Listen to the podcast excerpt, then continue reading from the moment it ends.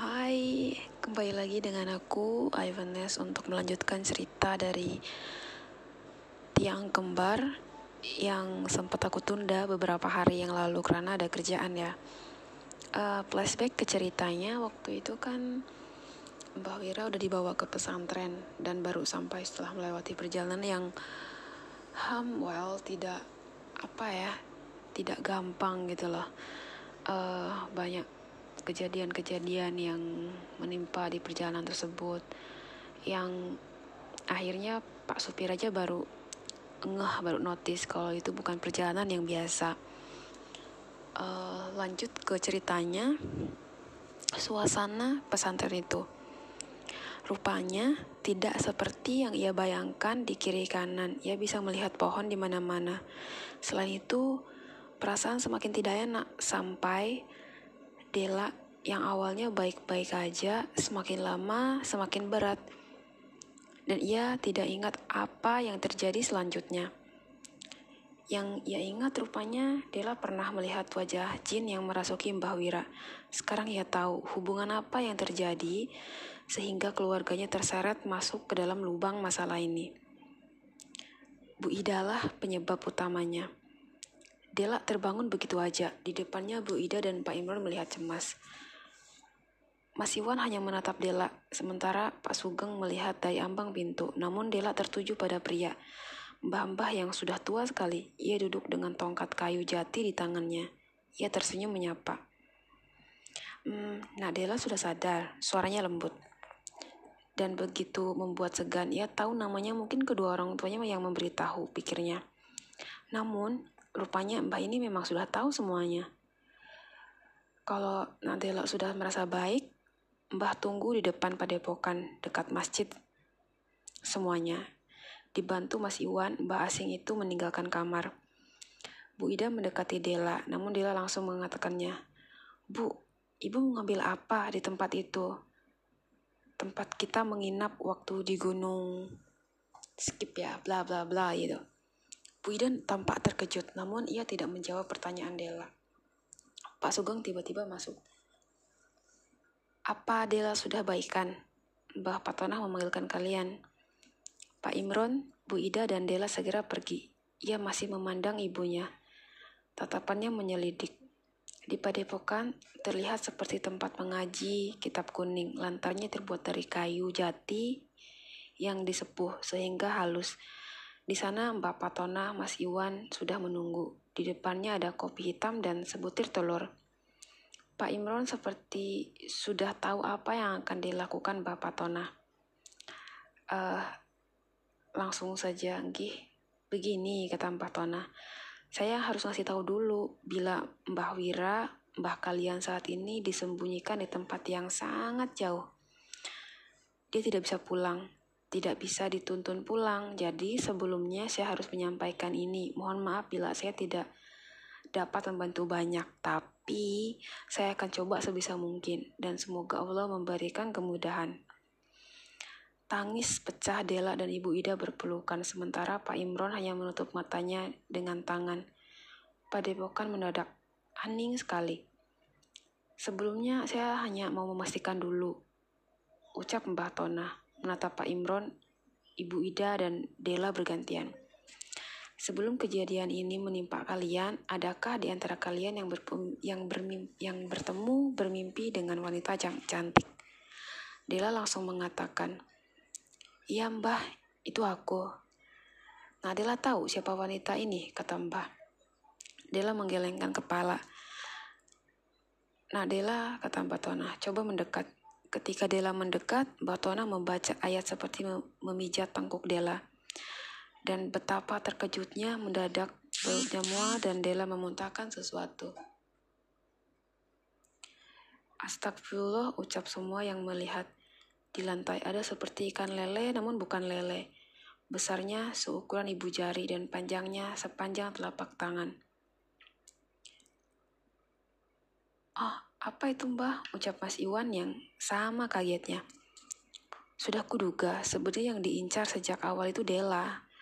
Kemudian Mbak Tona menatap Bu Ida. Ibu Ida bisa dicerita apa yang diambil dari sebuah kamar di penginapan yang bla bla bla yang di sini di skip ya, nggak ditulis apa-apa gitu. Mungkin Bu Ida bisa mulai bercerita. Bu Ida menatap Mbak Tonah ragu, namun kemudian beliau mengatakan, sebuah kalung, Mbah. Kalungnya milik Ibu. Bukan, Mbah. Bu Ida terdiam lamanya. Saya mengambil di salah satu kamar. Dan entah kenapa, saya ingin membawanya pulang. Mbah Tonah lalu beralih ke Pak Imron dan Dela. Beliau mengatakan, sudah, sudah, jangan ada yang marah. Sudah terjadi, tidak ada yang bisa mengulangi waktu. Sekarang saya ingin tahu, di mana kalung itu? Itu masalahnya mbah, kata Ibu Ida. Saya menaruh kalung itu di dalam tas. Tapi sesampainya di rumah, kalung itu hilang. Sampai sekarang saya tidak tahu ada di mana. Pak Tonah mengangguk, tidak perlu dicari. Karena kalung itu sudah dibuang oleh Mbak Wira. Begini, Mbak Tona menjelaskan. Sebelum saya mulai, saya jelasin dulu titik permasalahannya, kenapa bisa menjadi seperti ini. Kalung itu sudah berpindah-pindah tangan dari satu keluarga ke keluarga lain. Tujuannya cuma satu, membawa bala bencana bagi mereka yang menyimpannya. Mbah Wira tahu akan hal itu, karena entah kalian sadar atau tidak, Mbah Wira bukan sembarang orang. Beliau adalah getih anget yang menjadi tiang kembar, dan yang jadi masalahnya adalah Jendrip yang memasukinya kebetulan adalah jodohnya. Itu yang membuatnya semua ini menjadi sulit. Mbah Wira bisa saja menolak ini, bisa melawan jin itu. Kata Getianget tidak dapat dengan mudah dirasuki, namun jin itu makhluk yang manipulatif. Dia akan terus membuat kalian menderita, dia akan membawa kesengsaraan.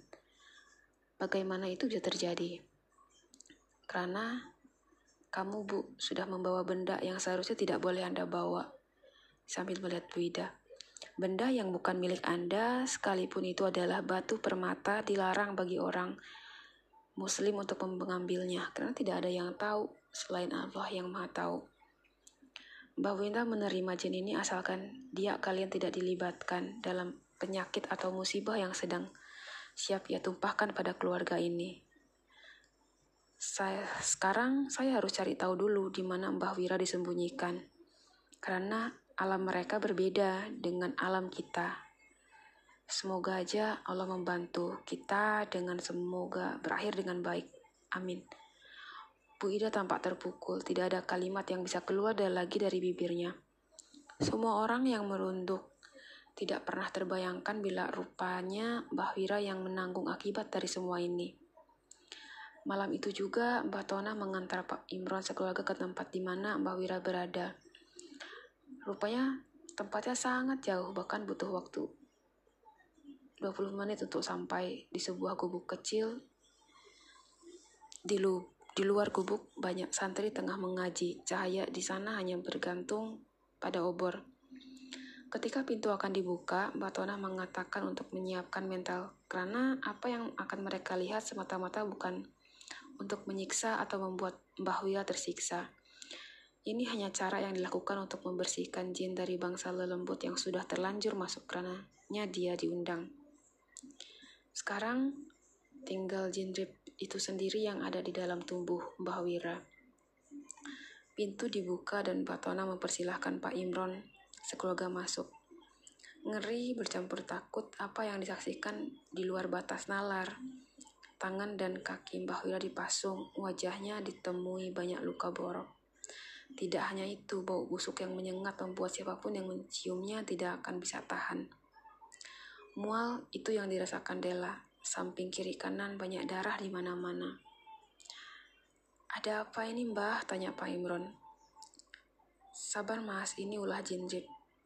Dia sudah tersudut, kata Mas Iwan menenangkan. Dela yang pertama mendekati dirinya tidak tahu lagi harus berkomentar apa. Meski semua ini terdengar gak masuk di akal, namun jauh di sana dia masih melihat bayangan Simba.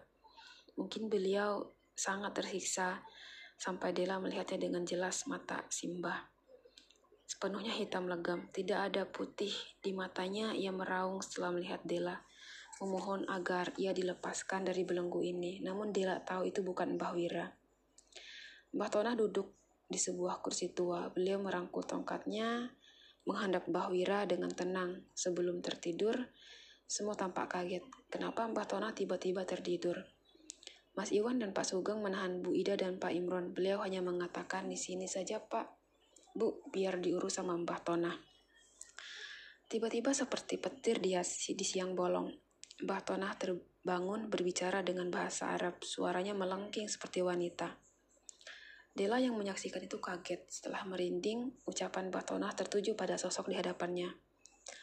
Rupanya Mbah Wira bisa menjawab ucapan bahasa Arab itu. Mereka sama mengobrol namun dari nada suaranya sangat sengit. Mas Iwan menjelaskan, Mbah Tona sudah memaksa jin itu memberitahu di mana Mbah Wira disembunyikan. Namun jin ini jauh lebih dari keras kepala karena memang sejak awal jin ini sudah cocok dengan Mbah Wira. Namanya juga tiang kembarnya. Rupanya jin itu tetap tidak mau memberitahu dan Pak Tonah tertidur kembali. Begitu beliau bangun, Pak Tonah berujar pada Pak Imron, Saya ingin berbicara dengan Anda, dan hanya Anda saja, mari ikut saya. Lama, Dela tidak melihat Pak Imron dan Mbah Tonah. Sekitar dua jam, dua dini hari mereka kembali. Namun, wajah muram terlihat dari ekspresi garis muka Pak Imron. Del, Bapak mau mengomong, kata Pak Imron. Dela sayang mbah kan? Dela mengangguk, wajahnya terlihat bingung. Begini, kata Pak Imron. Hari ini akan diadakan sholat mayat untuk Mbah Wira. Kaget. Tentu saja, Dela terdiam. Salat gaib, Pak, kata Dela. Jadi, Mbah sudah nggak ada. Begini, kata Pak Imron. Mencoba memeluk Dela. Ada harapan dengan sholat gaib. Kita sudah mengikhlaskan Simba dan jika kita sudah ikhlas, jin ini akan ikut lenyap. Tapi Rupanya ini memberi jalan ke Simbah untuk pulang. Masalahnya, Dela harus siap menerima konsekuensi apa pun. Mungkin Simbah bisa pulang, tapi akal sehatnya ikut lenyap. Namun hanya itu cara satu-satunya. Bukankah setiap manusia pasti akan mati? Malam itu, persiapan sholat gaib dilaksanakan. Saat itu juga, Bagai diterpa badai angin, rupanya jin rip itu sudah tahu. Dia berteriak dan alam menentangnya. Dengan angin yang berhembus kencang, para santri begitu terkejut, namun Mbak Tona tetap tenang sambil meminta semuanya santrinya mendekat. Termasuk Dela yang baru saja berwudu. Sholat dilakukan dengan khidmat dipimpin Mbak Tona dan jin itu menjerit sejadi-jadinya. Konon, Dela bercerita ia seperti melihat tubuh Mbak Wira bertekuk dengan suara tulang dipatahkan begitu ngeri. Namun Dela har harus ikhlas dengan ini. Semoga ada jalan bagi si Mbah Wira. Setelah sholat gaib, Mbah Wira memuntahkan muntahan hitam. Hitam sekali dan sangat menyengat. Dia tidak berhenti memuntahkan itu. Sembari mencoba lepas dari pasak kayu, tilang tulang lehernya seperti baru saja patah, sehingga kepalanya tidak dapat terangkat. Ini merupakan kengerian yang pertama kali membuat Dela sampai tidak bisa melihatnya. Setelah subuh datang, Mbah Wira sudah jatuh entah pingsan atau apa. Beliau menggelepar di atas tanah. Santri perempuan membuka pasak membawanya kembali ke pondok pesantren. Sementara yang lain kembali untuk menunaikan salat subuh. Azan zuhur berkumandang, Pak Imron mengetuk kamar Dela. Selama tinggal di pondok pesantren, beliau memeluk Dela kemudian mengantarkannya ke sebuah kamar. Bu Ida juga ikut menyambutnya, matanya hitam tampak lelah dan dihantui rasa penyesalan. Dela mencoba menghibur dengan memeluknya. Insya Allah semua udah ikhlas. Mas Iwan dan Pak Sugeng sudah menunggu di luar kamar. Di dalam kamar, Dela melihat Mbak Tona dengan setelah mencium tangan beliau, Dela tertuju kepada seseorang yang tengah duduk memandang jendela. Mbak Wira duduk, matanya kosong memandang keluar. Mbah, kata Dela, namun tidak dijawab. Tidak berhenti, Dela terus memanggil nama si Mbah, namun sebanyak apa pun dia memanggilnya Mbah Wira seperti tidak mendengar siapa pun. Di sana Mbah Tona menjelaskan saat ini Mbah Wira sudah kosong. Seperti yang saya bilang, kemungkinan dia tidak akan ingat siapa pun. Tidak ingat apa pun, tidak bisa melakukan apa pun. Makan harus disuapi, mandi harus dimandikan seperti orang mati namun raganya tetap hidup dan tidak akan ada lelembut yang tertarik sesama jiwa yang sudah kosong.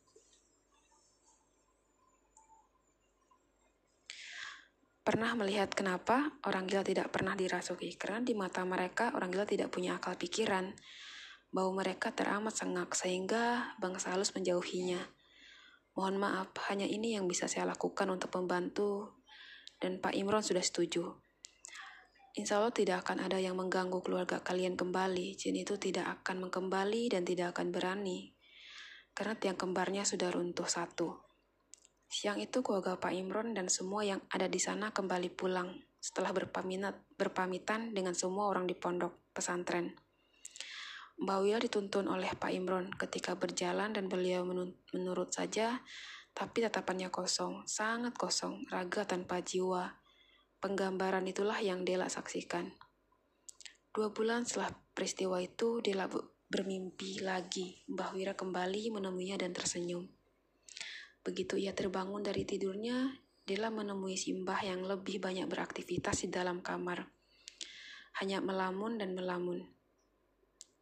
Namun pagi itu berbeda, Simbah bisa melihat Dela membelai wajahnya untuk terakhir kalinya. Tidak ada yang tahu umur manusia. Setelah Dela pergi dari kamar itu, siapa sangka Mbak menghembuskan nafas terakhirnya. Dela hanya bisa menatapnya sedih. Tentu saja, namun ia sudah ikhlas dan jawaban akan senyuman itu adalah jawaban Simbah yang mungkin sudah berterima kasih pada Dela. Di sini apa ceritanya berakhir? Iya, ceritanya memang berakhir di sini. Aku gak tahu harus nutup thread ini dengan kalimat apa, tapi mungkin ada kalimat yang sedari tadi aku pikirkan. Memang sebagai seorang manusia mengambil sesuatu yang bukan haknya merupakan hal yang tidak benar. Dan aku berharap siapa pun yang membaca ini untuk tidak melakukan hal terpuji semacam itu. By the way, aku udah minta izin sama nama rasumbernya, jadi aku sertain as-as capnya yang catnya penulis sama narasumbernya di sini. Tapi terlepas dari semua itu, aku juga seorang manusia biasa yang mungkin melakukan kesalahan dalam penulisan tempat dan beberapa hal yang sengaja aku kaburkan. Atas permintaan narasumber tentu saja. So, aku sertain penutup thread ini dengan foto beliau yang tentu saja sudah aku tutupin. Wajahnya semoga ada hikmah yang bisa dipetik dari cerita ini. Well, aku gak tahu lagi kapan bisa balik tulis tweet yang lainnya. Karena akhir-akhir ini penulis sakit. sakit mulu. Well, itu uh, tulisan terakhir di cerita tiang kembar dari sang penulis dari dari sang penulis. So, um, terima kasih yang udah dengerin tweet ini. Um, sorry kalau cara ngebacanya atau cara penyampaiannya masih kurang well seperti yang aku udah bilang kalau aku bener-bener ngebikin tweet ini supaya aku menjadi sang pemberani. Aku ngebacain ini sambil takut-takut gitu loh.